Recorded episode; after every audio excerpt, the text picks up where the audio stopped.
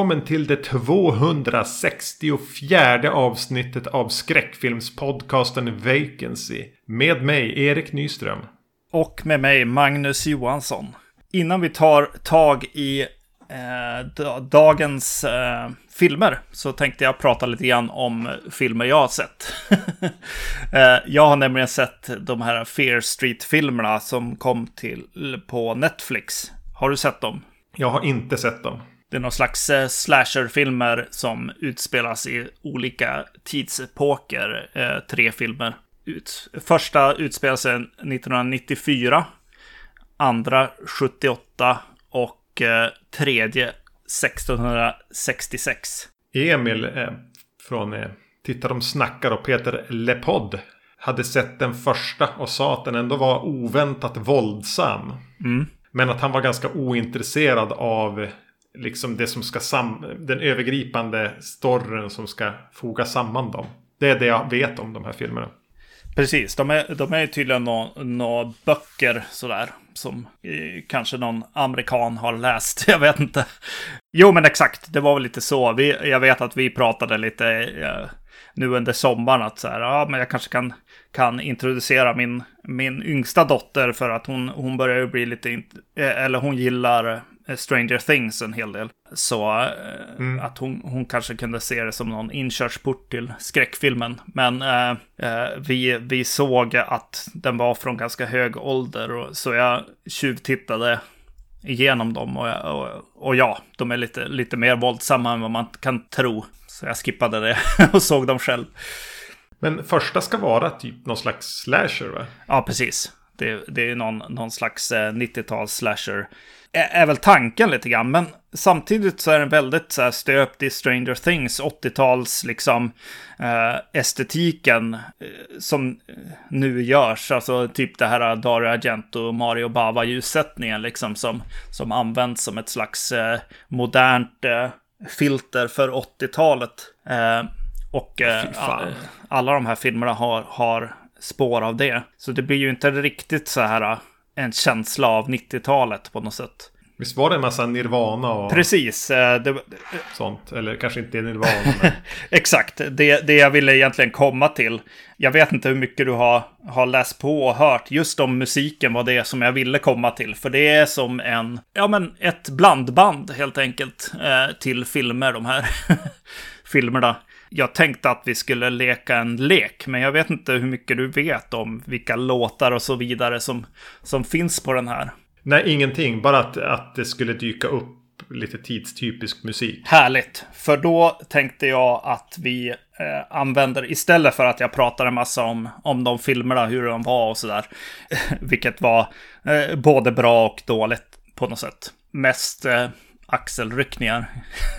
Förutom då kanske att man fick det där blandbandet och fick nicka med liksom lite då och då.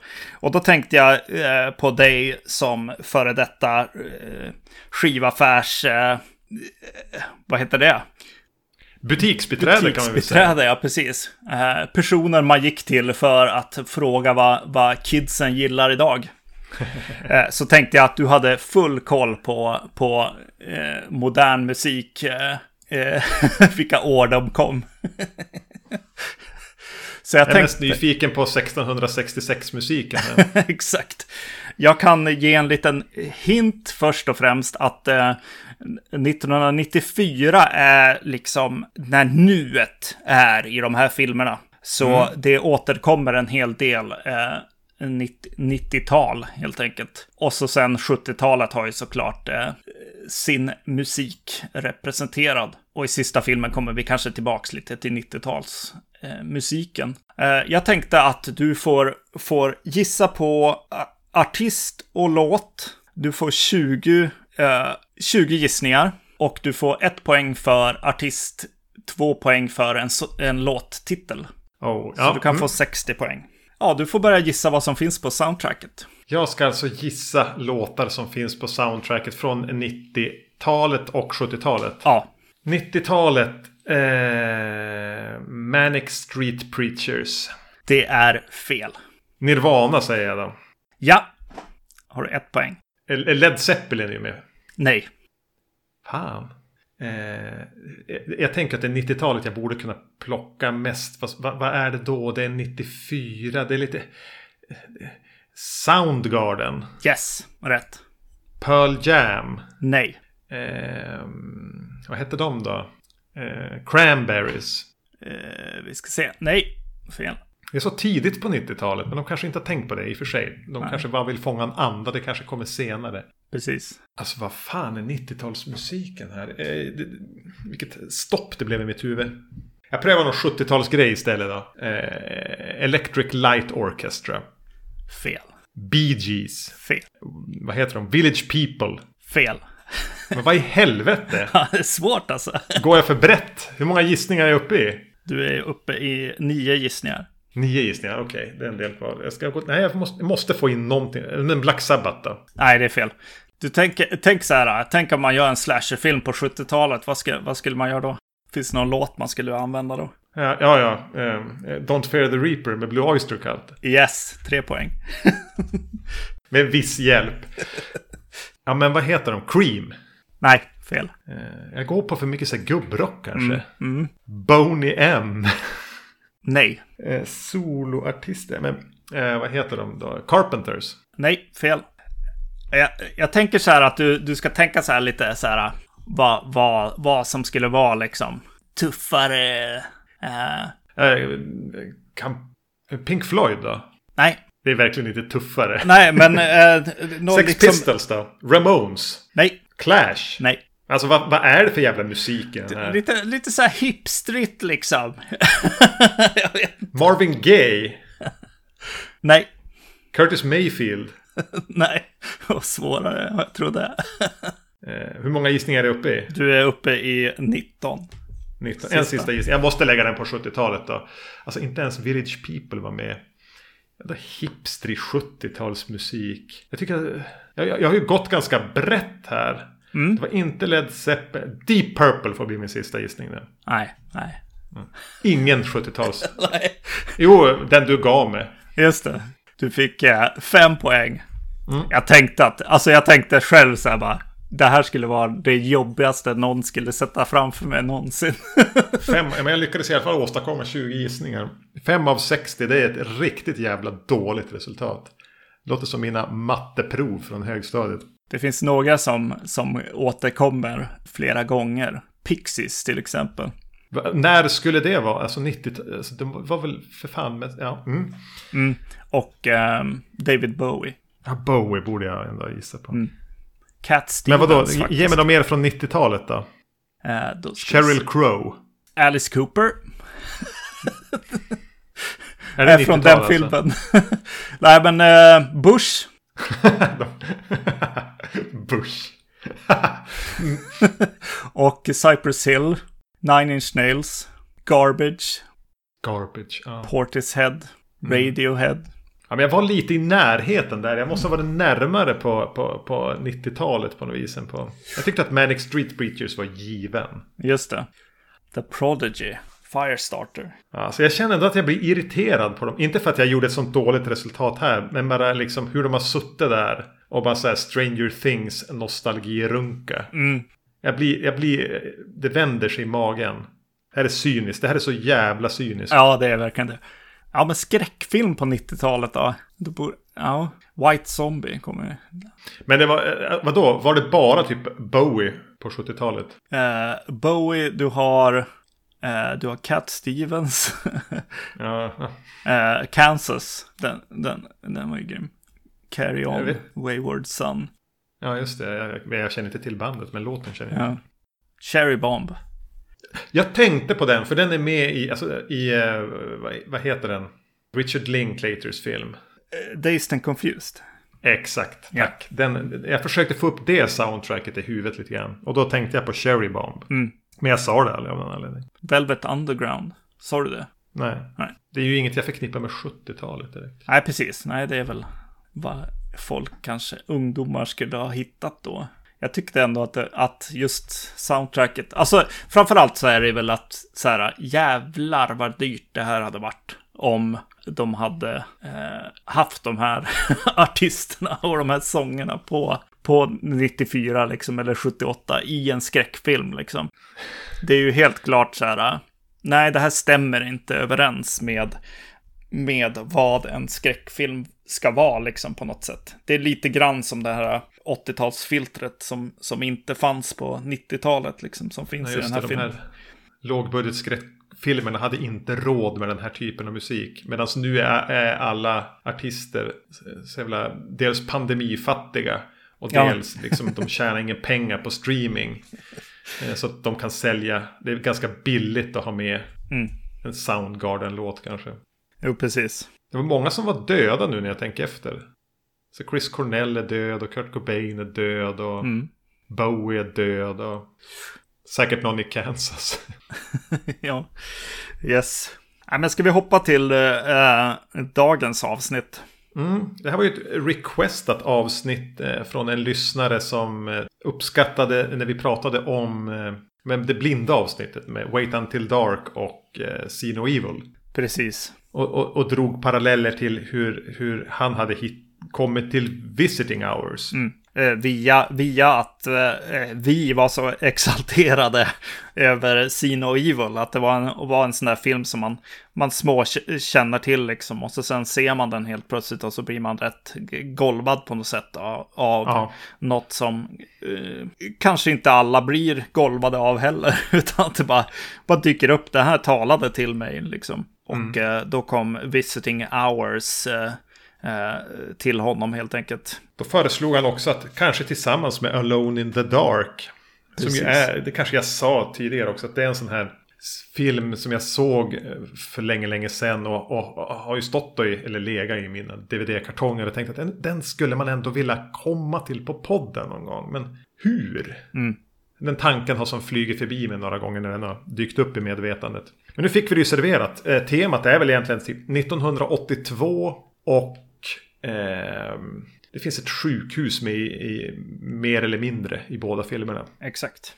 Mm. Och mördare såklart. Precis. Jag gjorde då en liten check och upptäckte att Visiting Hours hade premiär eh, på våren eller i maj någon gång och eh, Alone in the Dark höst någon gång. Mm.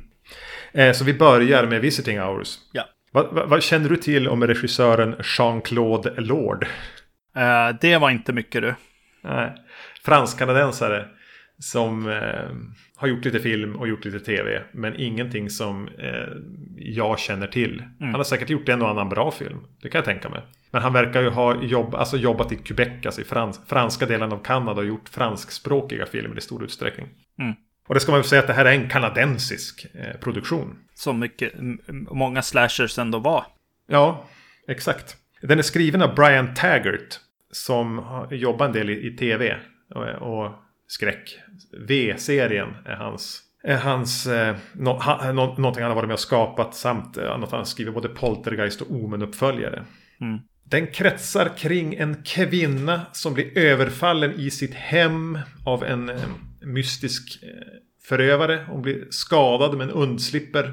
Förs till sjukhus och mördaren verkar följa efter henne dit. Eh, Kvinnan är ett, en, eh, vad ska man säga, ett, en eh, tv-reporter Mm. som har förargat honom genom att eh, stå upp för kvinnor som blir utsatta för våld av sina män i hemmet och eh, slår tillbaka. Precis. Mördaren spelas av Michael Ironside. Spoiler, spoiler. Nej.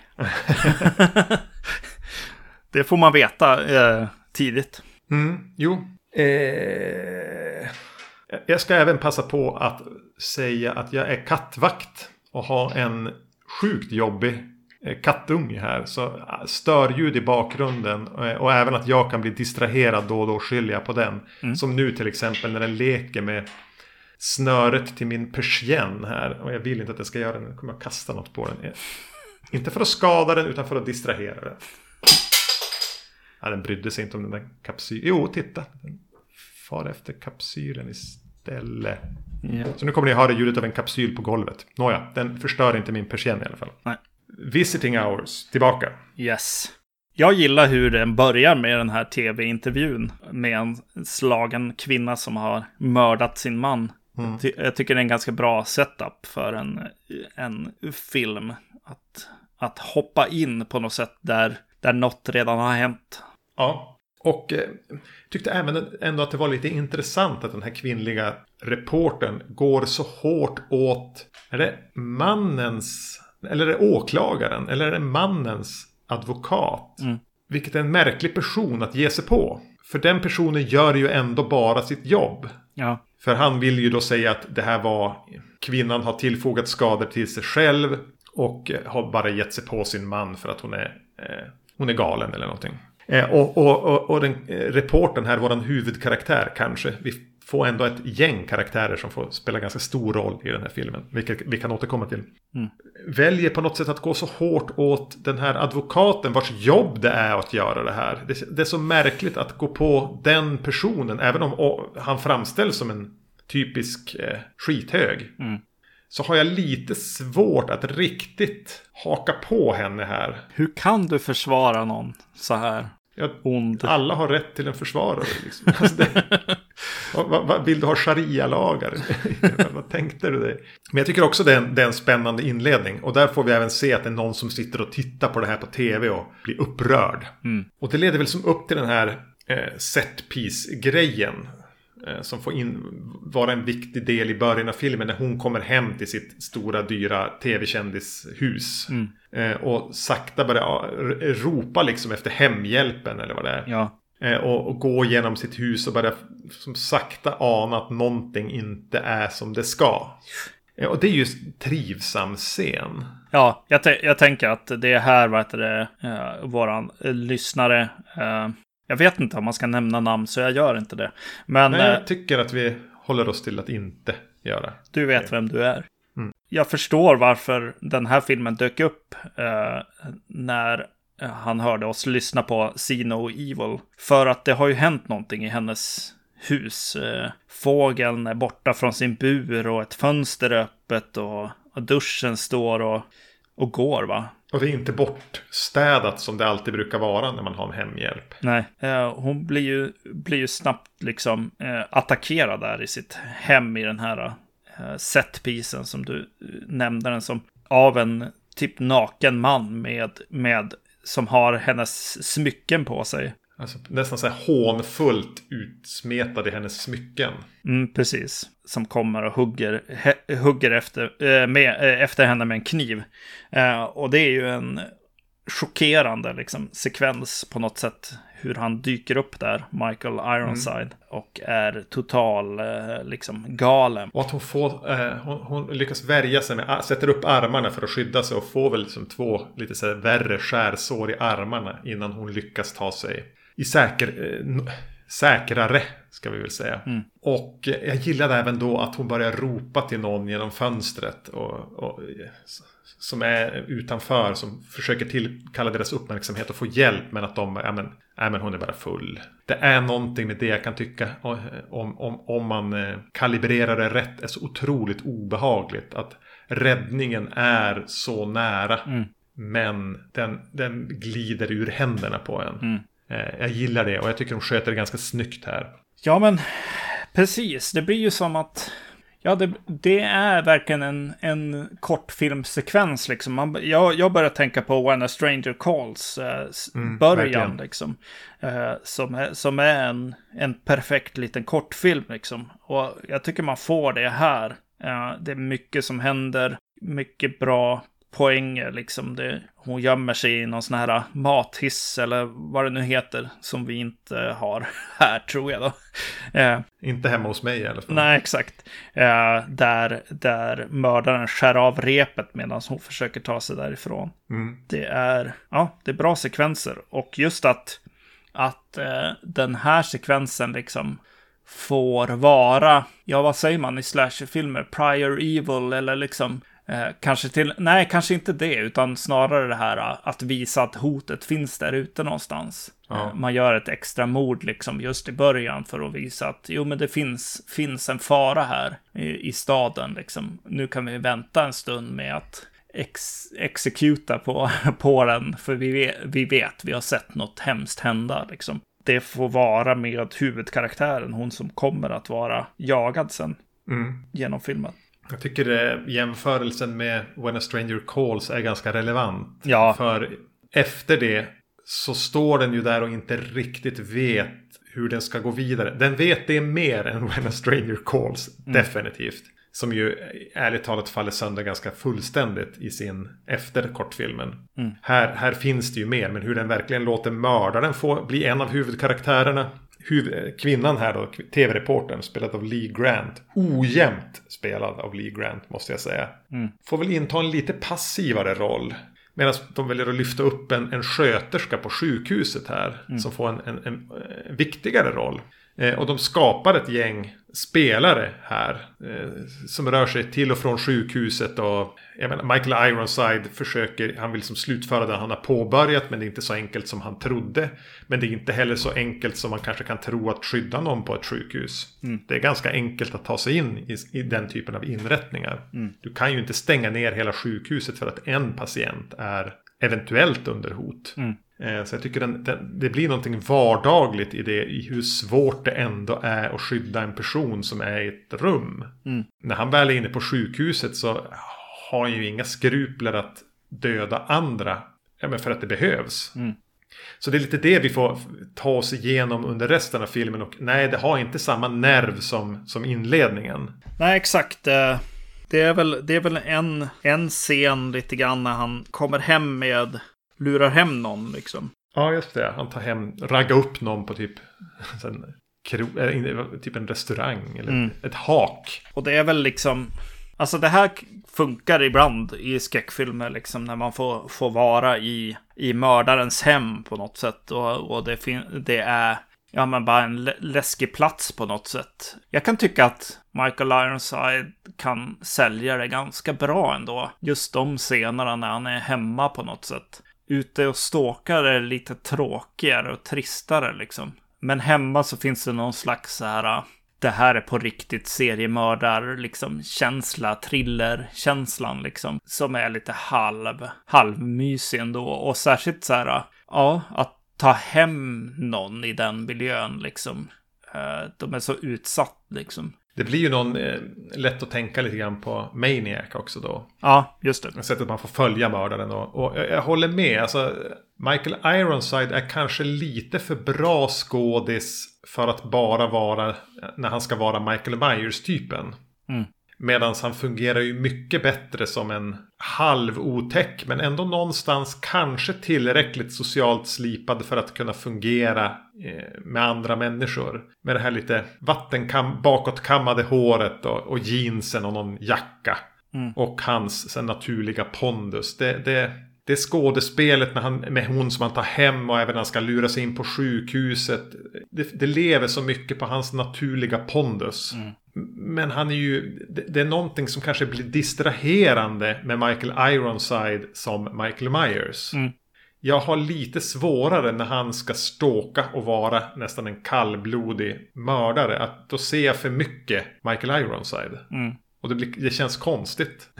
Det känns som att det är Michael Ironside som försöker mörda folk då. Ja. Än när han skådespelar gör de mer dramatiska scenerna. Till exempel med pappan här som jag tycker är en intressant enkel fördjupning av det här lilla thrillerdramaskräcken som det här är. Ja, när, just det här thrillerdramaskräcken som du säger får mig att tänka på, tänka så här. Är den här gjord 82? Jag tänker så här, hmm, undrar om den här har legat på någon hylla från liksom 79 eller någonting. Jo, men jag tänkte det när jag såg den faktiskt. Den här är ju verkligen en, en film från 82 som känns som att den skulle kunna vara från 78-79. Mm. Att den är i den här nästan gyllene eran där ett årtionde tar slut så är den nästan som starkast. Och det är ofta in på nästa årtionde. Mm. 70-talet kändes aldrig så mycket 70-tal som tidigt 80-tal kanske. Mm. Jag tror inte den har legat på någon hylla. Men, men, jag fick samma vibb att det här är ju mer en 70-talsfilm än en, än en 80-talsfilm.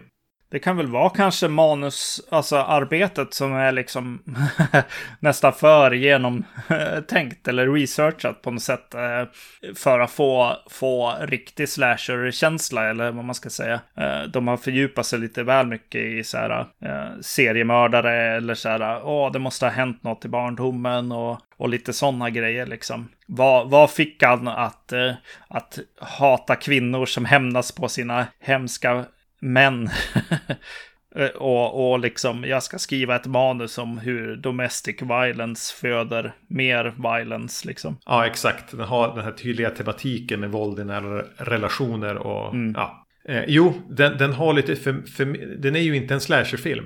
Det här är ju mest egentligen en thriller med vissa skräckelement. Eller den spelar ibland som en slasher. Ja, det är väl att det är en otäck mördare som gör att, att den går till lite skräck liksom. Men det är ju mer en otäck mördarthriller liksom. Men det kommer en... Den har så, de här sadistiska scenerna. Både att den ut, vad den utsätter eh, huvudkaraktären för. Jag har ingen aning om vad någon heter i den här filmen.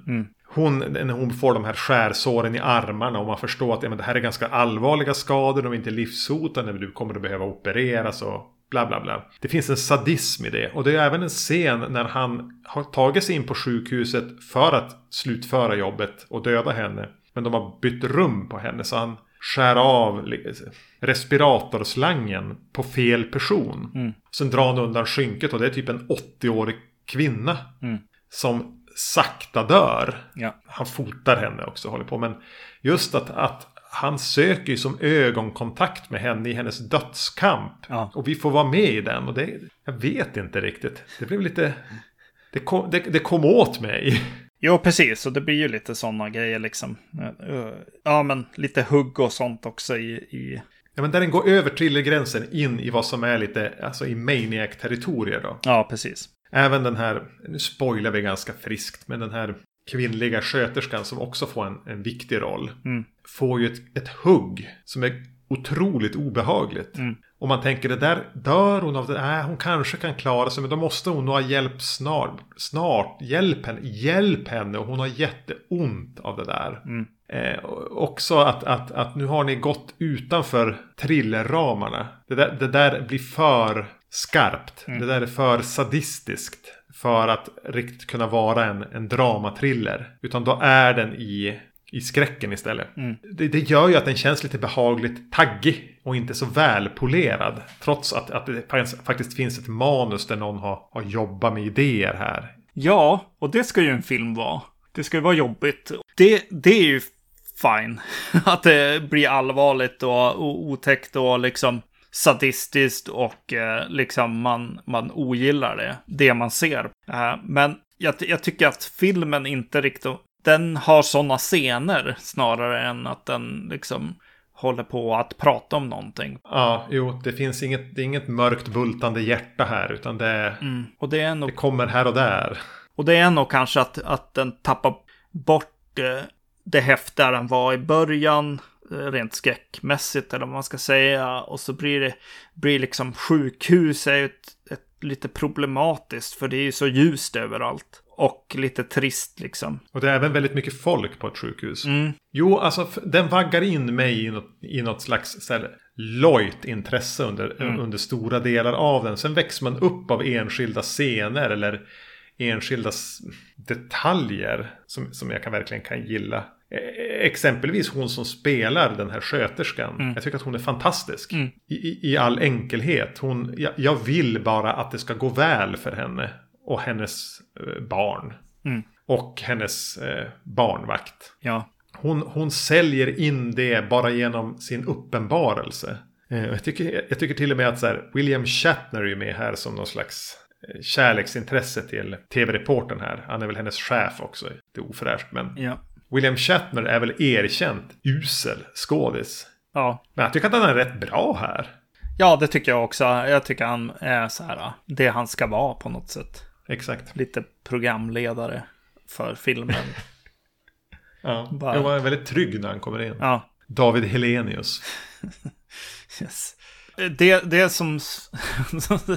en grej som jag fastnade för var, var titeln. Jag tycker att den här filmen ska heta något annat. Visiting Hours känns inte som det jag tittar på. Jag tittar inte på eh, ett sjukhus, en sjukhusskräckis på något sätt. Utan, utan jag, jag är med i filmen när den är utanför eh, sjukhuset. När, när det är hemma hos, hos kvinnor, hemma hos mördaren. På sjukhuset är den, är den som tristast. Jag skulle behöva att någon liksom stoppar honom för att visiting hours inte inte är igång eller någonting. Det känns som att den, den fokuserar jättekonstigt tycker jag. Med titeln. Men det... Ja men det här är, alltså titel är väl en titel. Jag håller med, ja. jag håller med. Men en titel är ju bara någonting som några eh, P, lite PR-folk har suttit och pitchat fram jo, i ett säljmöte. Mm. Men eh, den hade kanske blivit bättre för mig om den hade haft en annan titel och kanske tona ner sjukhusdelen mm. lite mer. Eh, även om den hanterar ett sjukhus bättre än Halloween 2 Ja, jag skulle just nämna Halloween 2 på något sätt. Alltså sjukhus är, alltså det är inte bästa platsen för en, för en skräckis. Uh, så vi får väl se då uh, med Halloween Kills och se hur länge de har tänkt att stanna på något slags sjukhus. Ja, det blir spännande. Mm. Jag, jag tänkte på en sista sak om, om visiting hours. Och det är att de i början på något sätt vill undvika att visa Michael Ironside så mycket. Mm. Han är med i några korta klipp. Vi får se honom lite bakifrån. Och, och man, man, man, lär sig känna igen honom. Men vi får inte se hans ansikte riktigt. Mm. Vilket i några sekvenser känns otroligt krystat. Det är som att han går och vänder bort ansiktet från kameran. Mm. Som, en, som en tonåring som inte vill vara med på, på pappas så här, film från julafton. Mm. Vissa scener känns det otroligt konstlat hur de som bara sträcker på halsen bort från kameran. Mm. Eh, varför? För det är ju inte så att man väljer att hålla på hur, hur han ser ut speciellt länge. Men man gör det under en period och då blev det för mig distraherande. Ja, precis. Jo, vi har väl inte pratat någonting egentligen om, om sånt film, filmteknik heller. Jag, jag tänkte att du sa kameran och då tänkte jag på, på att, att när jag såg filmen så tänkte jag på eh, Fredagen den 13 del 2 som håller på att leka med det här första persons perspektivet och är det mördaren eller inte mördaren och så. Eh, det, mm. det gör den här filmen lite grann, men jag vet inte om det är så himla effektivt. Det blev nästan mer förvirrande. Den är ganska handhållen. Mm, mm. mm. Men sammantaget Visiting Hours så tyckte jag att det är ganska nice 90 minuter dramatriller med eh, skvättar av sadistisk skräck. Mm. Det är ingen slasherfilm. Man ska gå in, inte gå in och förvänta sig det. Men förväntar sig man en skev thriller. Mm. Så hamnar man ju mer rätt. Ja. Men den har, den svajar lite hit, den svajar lite dit. Mm. Men jag, jag, tänker att många kommer att gilla att se den bara för att se en eh, relativt ung Michael Ironside. Göra sin grej. Ja, lite grann. Göra sin grej. Mm. Han, här är han alltså typ tio år yngre än vad vi är nu. Jag gillar att slänga in sånt här. Ja. Ja, fy fan. Ja. Jag tänker fortfarande att han här skulle kunna vara min pappa. Ja, jo, men ja. Jag kan nog ge honom att han är tio år yngre än oss. oh, yes. Det är tunnhårigheten där som gör det. Och att man har sett Michael Ironside sedan man var typ åtta. Mm, mm. Och att han har, ju, han har ju aldrig tagit sig fram genom att ha någon så här ungdomlig finish i sitt skådespel. Utan han har ju alltid varit 40. Mm. Och han var ju 40 tills han var en bit över 60 också. ja. ja. Han kommer ju ha varit 40 betydligt längre än vad jag kommer kunna passera som 40. Just det. Tveksamt om jag ens gör det nu. ja. Men du, ska vi hoppa vidare till då Alone in the Dark? Yes, 82 fortfarande. Ja, senare på hösten. Eh, New Line Cinemas första film. Ja, tänkte nästan att det här måste vara tidigt ja. Eh, regi Jack Shoulder. Och då säger ni Nightmare on Elm Street 2 alltså. Japp. Wishmaster 2 alltså. en av våra favoritregissörer. Var, var, var är Emil? Vi pratar om den här. Vi får prata om Han... The Hidden någon gång. Ja, med Kyle MacLachlan. Mm. Eh, han har även skrivit manus tillsammans med Bob Shea. Som jag tänkte var där och sa, nej så där kan du inte göra. Det här säljer bättre. Nej, men det är bra. Alltså, det är bra att komma in med det. Liksom. De har saker att bevisa. De ska liksom sparka in dörren lite grann. Etablera sig på någon marknad här. Exakt, och, och man förstår lite, lite det. det. Det kommer lite, lite budget. Eh, det känns större än vad den här filmen kanske ska vara. I, ibland. Och det kan man väl säga att man märker ju ändå en skillnad i budget mellan den här och Visiting Hours. Att det här är låg budget. Medan Visiting Hours har en något sånärig budget. Jag säger inte att det är en, att det är en stor produktion. Men ja. det här är mycket mindre dollar i den här. Mm. Men som sagt var, mm, vi har inte sagt vad den handlar om. En läkare, psykiatriker, psykiatriker, vad säger man? Psy, psy, psykiatriker. Mm. Anländer på sin nya tjänst på ett eh, dårhus skulle man väl kunna säga i och med hur det presenteras när han kommer dit. Ja. De har en avdelning med psykopater som blir jätteirriterade över att hans föregångare har försvunnit och han har kommit dit. Mm. De får för sig i princip att han har dödat honom eller någonting. Ja. I anslutning till ett strömavbrott lyckas den här gruppen psykopater rymma. Och förutom att ställa till med elände på stan så söker de ju upp den här nyanställda läkaren för att få svar på frågan vart hans föregångare har tagit vägen. Ish. Jag tror att alla har lite olika anledningar. De är även galna. Mm. Sale pitchen med den här, framförallt nu, är ju casten. Ja. Och, och vi måste ju börja där. Mm. Huvudläkare, ansvarig för den här psykiatriska kliniken, är, spelas alltså av Donald Pleasence. Ja. Ledaren för psykopatgänget av Jack Palance. Och en av psykopaterna av eh, Martin Landau. Ja. Och Oscarsvinnare här, se, senare Oscarsvinnare som även redan här kändes som gamla föredettingar. Men på något sätt lyckades, kanske tack vare den här filmen, få liv i sina karriärer och plocka hem Oscarsstatyetter på 90-talet. Mm. De hade ju haft karriärer tidigare, ska man ju säga. Utan det, det den här filmen gjorde var väl att lyckas fånga framförallt då Palance och Landau när de var Alltså köp billigt och sälj dyrt. De, de var i botten Mm. på karriären. Mm. Och att då lyckas samla de här tre, inte så illa. Och det är det som gör den här filmen till någonting för mig.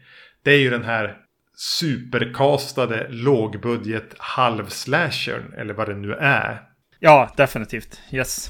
Den, den nya läkaren spelas ju också av Howling Mad Murdoch jag tänkte på det. från A-Team. Men Mad Murdoch är, är the straight guy. Då vet vi att det är lite kaos. yes. Och så, och så får vi ju, vad roligt att det är deras första, första film, eh, så får vi också med Lin Shay tidigt i filmen. Hon är med lite grann. Alltså hennes, hennes lilla, lilla, lilla roll är ju faktiskt rolig. Ja, hon är bra. Och vad ung hon såg ut, trots att hon inte var så jävla ung ens här. Ja, just det. Alltså hon är väl typ i våran ålder här. Mm. Det känns mer okej att Lin Shay är i våran ålder här. Ja. Jag måste bara börja hoppa in i filmen. Alltså den här Moms eh, Diner. Ja, den här Twin Peaks Dinern. Ja. från från eh, nya säsongen av Twin Peaks. Den drömsekvensen som kommer där är ju liksom New Line Cinemas liksom första Elm Street eh, här. Det är jättemärkligt att den påminner så mycket om hur remaken på eh, Elm Street börjar. För den börjar på samma diner. Eh, precis, och med så här, ja men om man bara eh, filmar elden på grillen lite, lite extra och kör upp eh, ljudet liksom för den och så här, så känns det väldigt drömskt. Ja, och, och Jack Shoulder hade ju liksom redan fått öva helt enkelt, tänker jag här på, eh, inför eh, Elm Street eh, 2. Det är kanske därför den, den blev så bra som den blev. Jag tycker att den är jättemysig faktiskt. Den här drömsekvensen och eh, på just det här sättet som en Elm Street-mardröm är. Liksom man bara, det här är off, det är, det är, det är trevligt liksom. Det är inte lika eh, mörkt och hotfullt som en David Lynch-film hade varit. Utan det är Nej. mer så här skevt, eh, ja men Elm Street, eh, lite tuggummi liksom, mardröm här. Eh, eller popcorn-mardröm. Och jag gillar att den börjar där. Mm. Och man inte riktigt vet vad det är man tittar på. Alltså hade det här varit Elm Street 4 som börjar så här. Då hade man ju snabbt vetat att man var i en mardröm. Mm. Men här vet man ju inte vad man tittar på. Så kommer Martin Landau in där. Och Donald Pleasence. Ja, det, det blir så behagligt. Ja men som du säger, tuggummi-skevt eller så här, tuggummi-surrealistiskt. Mm. Det är aldrig riktigt hotfullt. Nej, jag tar, jag, jag tar det vanliga och så får han någon jätteotäck fisk eller vad det är. Mm. Ja, ja, ja nej, jag, jag gillar den här eh, Elm Street-mardrömmen. Eh, och så börjar det till och med regna inne liksom. Det, ja, nej, men det, det ja, som sagt. Ja, men det här, och, och, det blir också lite grann var, var de tappade bort i Elm Street. Hur, hur roligt man kan ha i mardrömmarna. När de mm. inte ska bara ska bli så här konceptiga. Eh, utan faktiskt kunna, man, man, kan ha lite kul med dem. Ja. Och det är väl det Jack Shoulder, jag känner att han var en regissör som, han gillade det här. Han har lite den här smittsamma skaparglädjen i att göra film. Ja, Även exakt. om han, eh, han är lite vilse att göra film också. Ja, precis. Men ändå, han, han trivs här. Ja. Att det här är hans första film tror jag. Han kan inte ha varit gammal här. Han ska ju ha varit... jag, jag vet inte hur gammal Jack Shoulder är, men han kan ju inte ha varit... Han var yngre än vad vi är nu. Eh, och jag skulle aldrig i hela mitt liv våga ge regi till Jack Palance. Förstår du att komma in och göra din första film och säga åt Jack Palance vad han ska göra i en scen. Ja. Ja, ja det är lite coolt. Eh, på så sätt att tänka sig in i det. Jo men alltså jag fick lite, jag fick lite eh, ändå respekt för Jack Shoulder här. Alltså jag, jag tycker han är, jag, jag, förstod att helt plötsligt att han är en lite halvskruvad liksom manusförfattare också. Uh, han, tar, han tar och gör lite research och han, han, han kommer på liksom, ja men så här är väl galningar eller så här är väl psykopater. Jag vet väl nog mycket om det för att skriva ett manus liksom. Uh, jag, jag, jag, jag, tycker han är liksom rolig. Och det finns en, en energi där. Ja, jo helt klart. Ja, ja, men jag tänker lite grann att, att Jack, vad, vad är det som gör, ja förmodligen eh, liksom politik, mm. studiopolitik och slump som gjorde att Jack Shoulder inte blev eh, Sam Raimi eller, eller vad heter han, Joe Dante eller, eller någon sån. Mm. Det hade likväl kunnat bli så. För han hör till den här genren av, av regis, unga regissörer som kom upp och fick göra skräckfilm tidigt 80-tal. Och vissa lyckades liksom bara hoppa på, på, på stenarna över ån. Medan andra inte. Jag tänker väldigt mycket på han som gjorde. Han gjorde One Dark Knight och han gjorde eh, sexan. Fredagen 13 del 6. Mm. Som också kändes som en liknande snubbe. Ja, precis. Som hade kunnat bli spännande. Men mm. det plana ut. Ja. Ska jag ta en liten, liten kort fråga här då. Ja. Eh, som kommer inledningsvis. När, jag tror det är i samband med att Mad Murdoch här eh, presenteras för sjukhuset. Så sitter någon och läser tidningen. Och det är en stor rubrik i tidningen. Och typsnittet är Halloween-typsnittet. och då är min fråga. Är Halloween-typsnittet något som tidningar använde? Eller valde de att sätta Halloween-typsnittet på rubriker i en tidning? Ja, det var en bra fråga. Jag vet faktiskt inte. Det, det jo, men den är väl lite news. Uh, det, det, slog mig när jag såg den i en faktisk fake-tidning. Så mm. tänkte jag, jo men den där är, det är ju en tidnings uh, uh, typsnitt. Ja. Aldrig tänkt på tidigare. Ja, precis. Alltså då tänker jag på typsnittet The Night He Came Home. Typ, alltså det är det står med på. Just det. Du, han som, precis, han blir ju presenterad här och går, går omkring i sjukhuset här och, och jag måste bara poängtera en liten scen liksom. De går genom en korridor och så står det en, en snubbe, en patient gissar jag, som, som står och sneglar ut genom dörren på ett rum och ser rätt läskig ut. Noterade du honom? Nej, ah, okay. jag vet inte vad du pratar om. Ah, okej. Okay. Eh, de går genom, eh, genom sjukhuset och tittar runt liksom. Och då, då står det en och tittar ut genom ett, en dörr liksom med halva ansiktet ut. Jag, sk jag skulle, precis som jag inte såg Halloween-typsnittet, tänkte jag fråga dig om det var Dario Argento eller inte. Men du hade inte ens sett honom. Nej. ja. Nej, det, det var en bra, bra liten så här tyst eh, scare som man kan se eller inte se. Så här uh, hårresande liksom grej som kan, uh, kan skrämma eller man kan missa den helt enkelt. Ja. Jag gillar den. Ja, och så sen blir han presenterad för de här uh, psykopaterna. Ja. Då tycker jag han har haft roligt i manus också. Han, han har skapat eh, stories för de här och, och en av dem som, som är med eh, i rummet som, som, som väl inte är så känd helt enkelt. Eller det vet vi inte riktigt. Men eh, de, de, har döpt honom till The Bleeder. Ja, som är någon mm. seriemördare som eh, ogillar att visa sitt ansikte. Och när han mördar så blöder han ur näsan. Mm. Han bara vänd från dem och står och klö sig på väggen när de kommer in i deras uppehållsrum. Alltså gör man verkligen så att man slänger ihop ett gäng seriemördare i typ ett uppehållsrum? Man kanske gör det. ja, eh, jag, ty jag, jag, tycker de har haft roligt helt enkelt. Ja, jo, jo. Eh, med, med det här och eh, kanske lite, liksom lite så här stöpta i formstöpta på något sätt. Som, som eh, Martin Landaus eh, före detta eh, präst som har blivit galen och eh, gillar att bränna kyrkor med folk i. Eh, och Jack Palance är någon slags, han, är, han, han, har en bakgrund inom det militära. Mm. Och är alltså liksom the colonel på något vis. Mm. Men du, den, den, sista, den sista i, i, gänget då. Ska vi kalla honom, han kallas för Fatty. Mm. Kände du igen honom? Nej. Nej. Han är ju med i um, uh, The Running Man. Det är han som spelar Dynamo. Ja. Som dog strax efter The Running Man var inspelad tyvärr mm. av hjärtproblem. Erland van Litt hette han. Som visade sig vara en jätteintressant person. Jag läste på lite grann om honom. Mm. För jag tyckte om, jag tyckte om hans karaktär här. Ja. Han är väl lite grann motsvarigheten till Steve Buscemis karaktär i Con Air. Ja, just det. Exakt. Ja.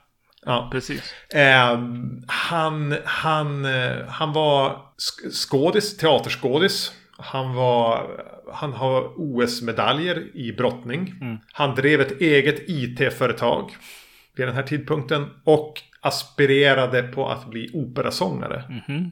Han sjunger ju i, i uh, The Running Man som du kanske minns. Mm. Men han har en bror som är nästan lik. Alltså, jag trodde först de var tvillingar. Det, man får lite olika uppgifter på när de var födda. Han blev bara drygt, alltså typ 35. Mm. Men han har en bror som var född ungefär samtidigt. Som är operasångare än idag. Okay. Och som också har varit skådis. Yeah. Så jag blev lite små, fastnade lite grann efter jag hade sett den här i Erland van Litt. Och jag började leta om det fanns så här, går det att höra han sjunga någonstans och sånt. Men det, jag hittade ingenting. Och vad gjorde hans IT-företag, alltså hans dataföretag, tidigt 80-tal? Mm. Eh, tråkigt att han dog bara några år senare. Eh, men ska vi bara stanna upp då när vi pratar om casten här och, och, och, och, och psykopatgänget. Att, att bara, bara vi måste ju säga någonting om dem. De, de, de har haft roligt. Mm. De har gjort stereotyper och fått in fantastiska skådespelare. Ja. Men som jag sa, jag skulle aldrig våga ge Jack Palance regi. Jag skulle aldrig, jag skulle inte våga säga någonting till han. Nej. För jag tycker att han är otäck. Ja. Hans så här, Chris Christofferson pondus är läskig. Mm. Det här väderbitna ansiktet, de här seniga 60-åringsmusklerna och vilken otroligt bra cast som psykopat. Mm.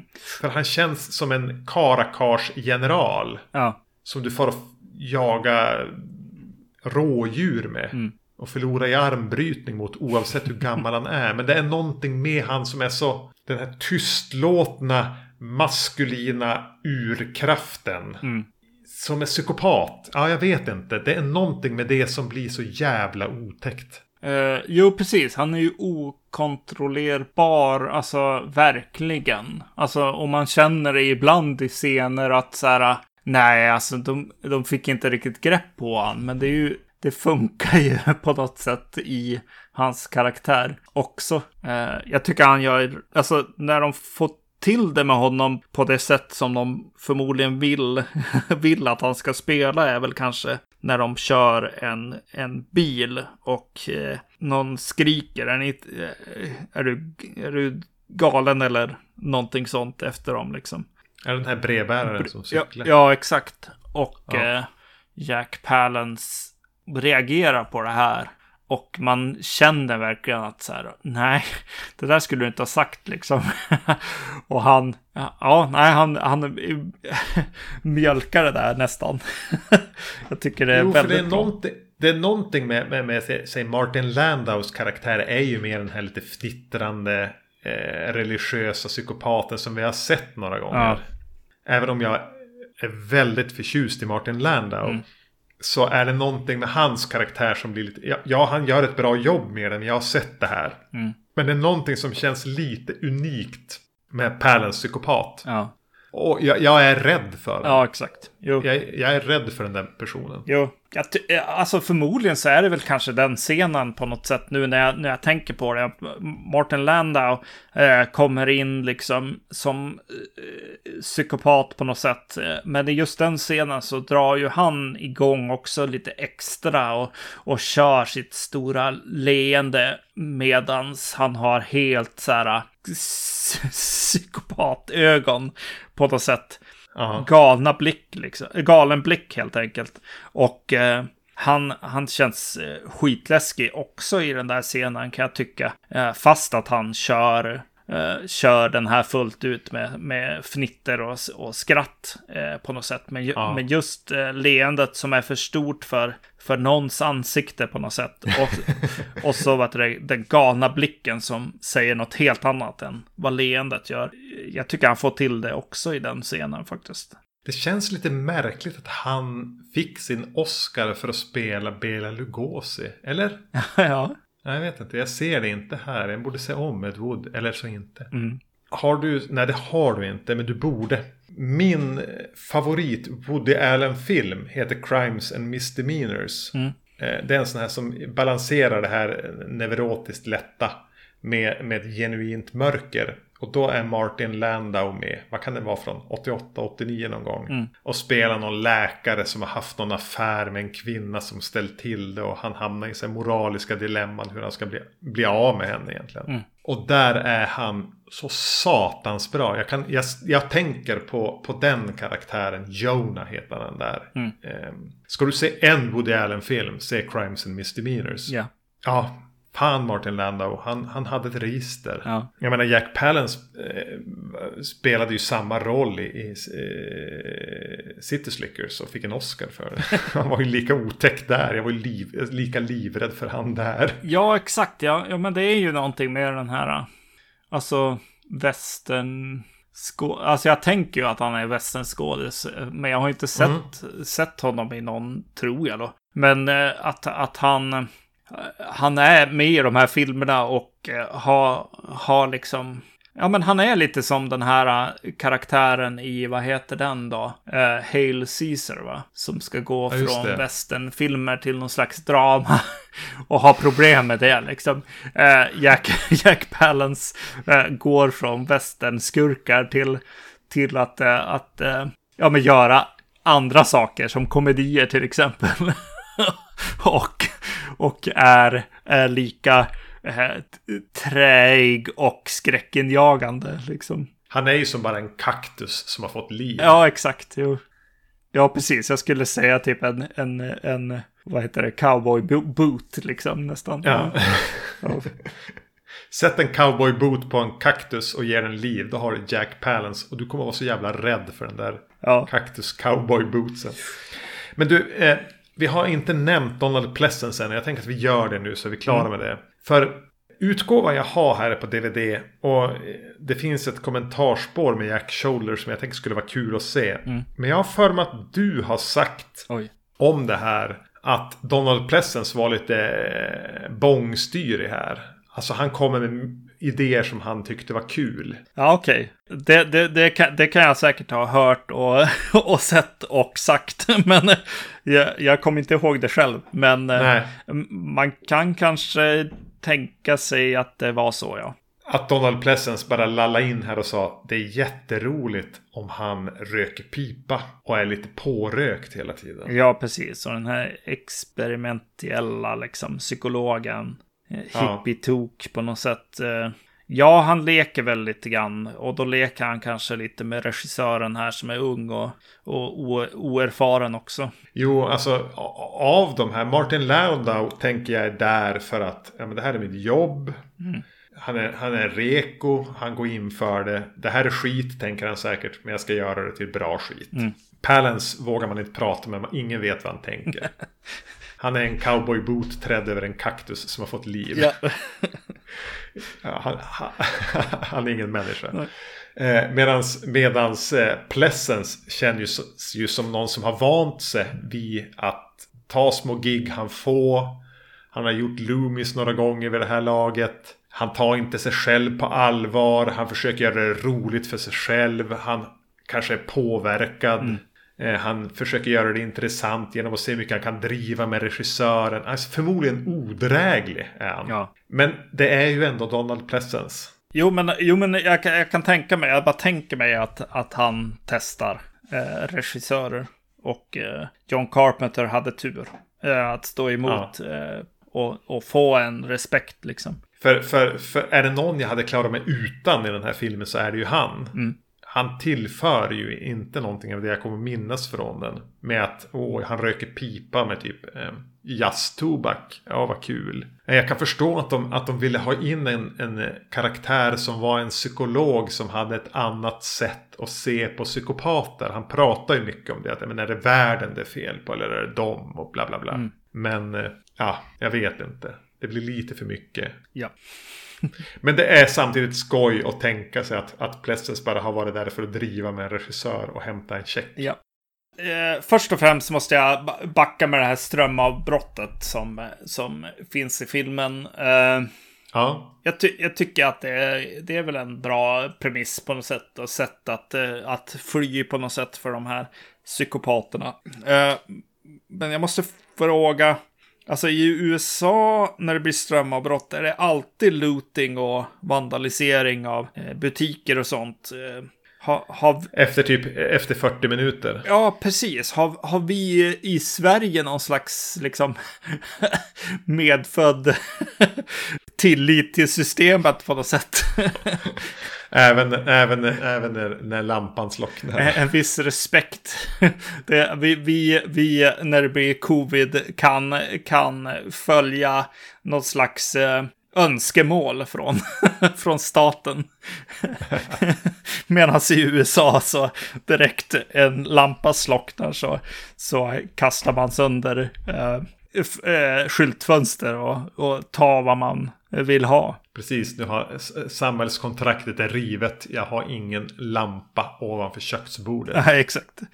Jag vet inte. Mm, nej, det känns som att de gör en liten stretch där va? Ja, eller så är vi lite mesiga liksom. Precis, vi borde göra det här varje gång. Ja.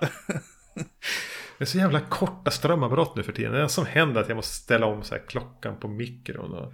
Jo, det är sant liksom. Hade det gått mer än 30 minuter då hade man ju lätt sprungit ut. sprungit ut och tagit sig en ny video. Ja, slängt sten på macken här utanför. Ja. Det är ganska kul att de är på en, eh, att, att de väver in det här lite jag menar, det finns en bak bakgrundsplott om det, anti-kärnkraft-grej. Mm.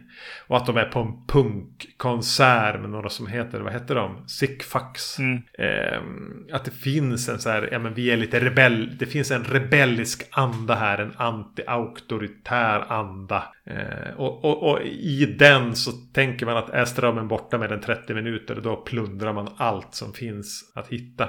Och möjliggör för psykopater att vandra fritt på gatorna då. Men, eh, ja precis, men det är ju en... Det känns inte som regissören försöker säga liksom, åh, är det psykopaterna som är galna eller är det världen som är galen?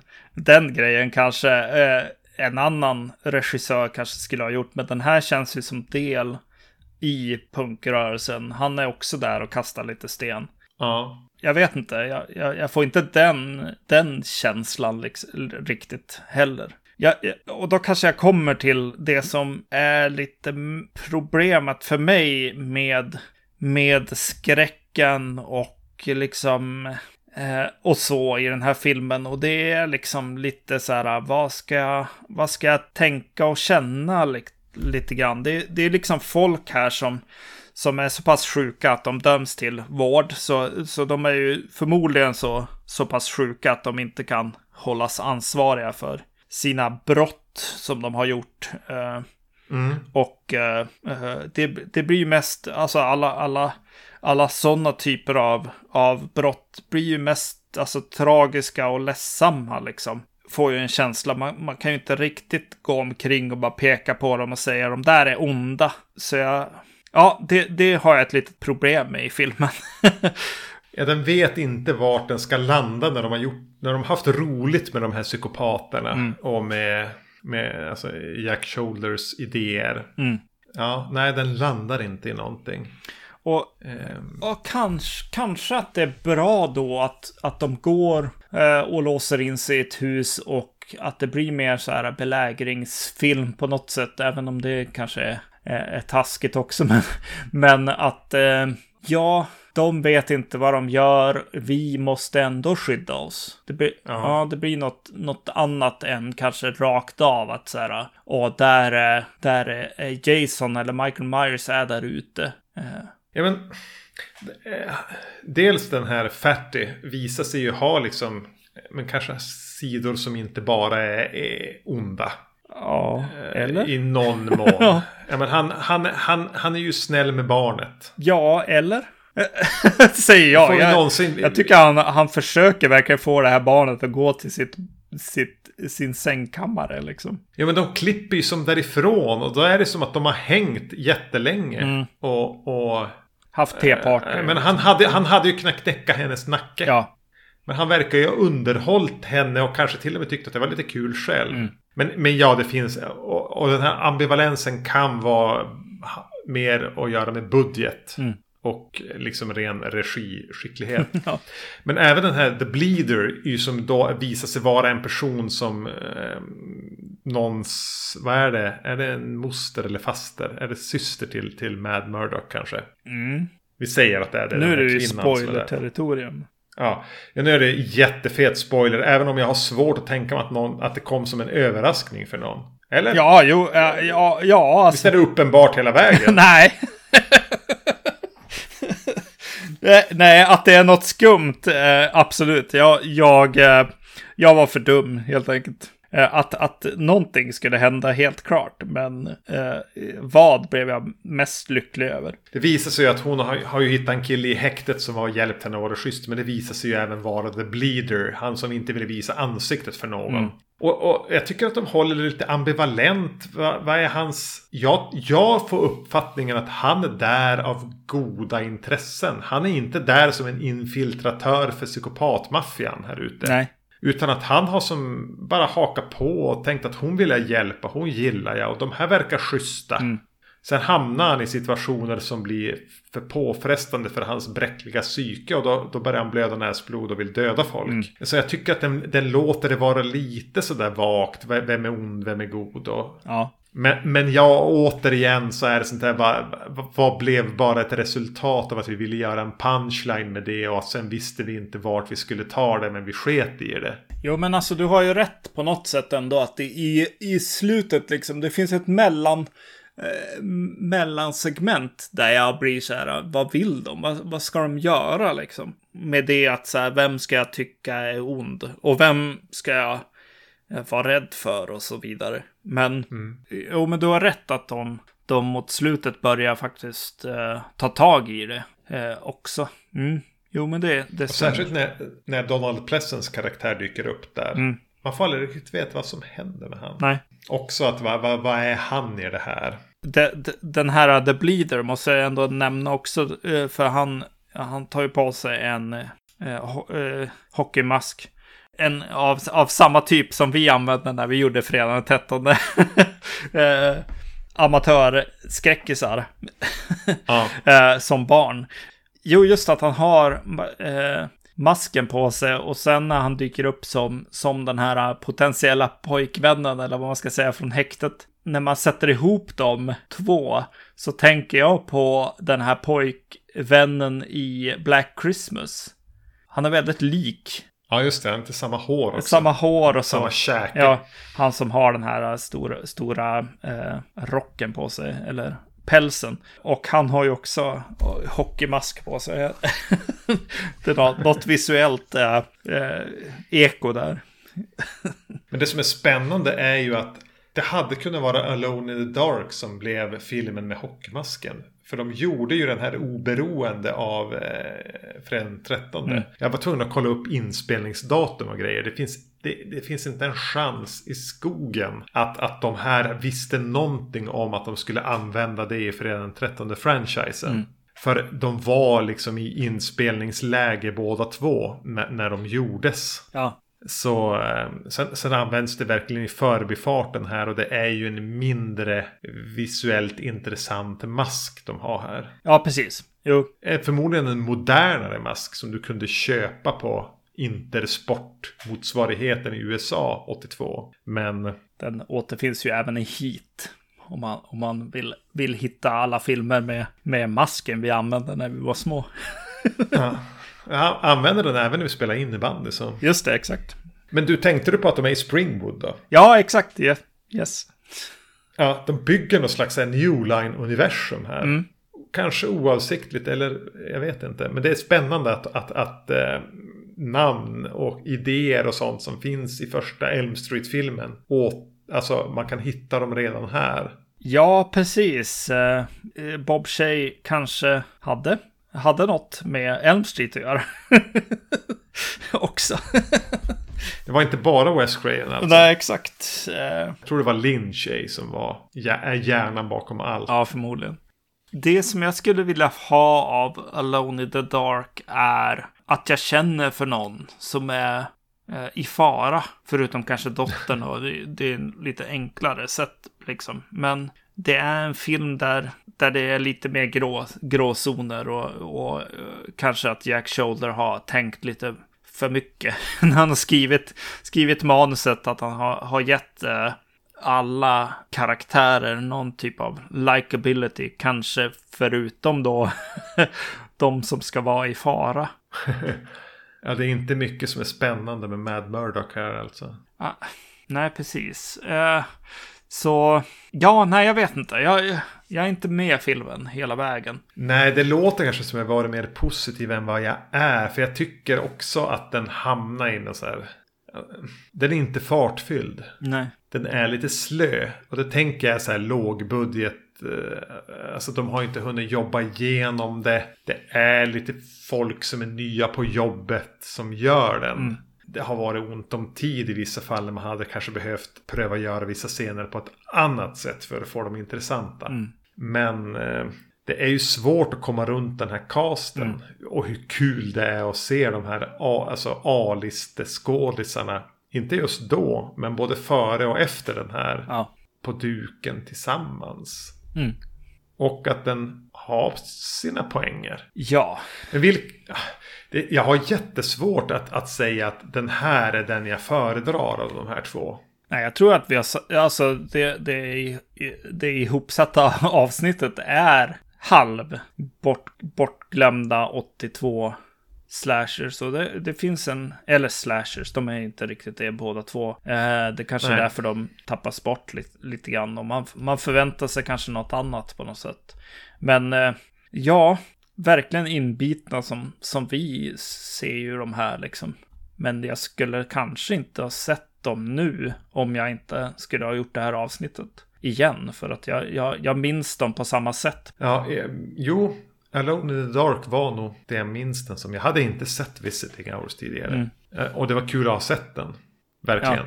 För de små mm, kornen som finns att plocka där. Sen går det att säga annat om helheten. Ja, alltså Visiting Hours öppningssekvens, liksom eh, spänningssekvensen som är i början är ju, är ju riktigt bra. Mm. Ja, men det var det det. Yes. Eh, helt plötsligt gör vi eh, massa requestade avsnitt. Eh, kanske kommer fler, vem vet.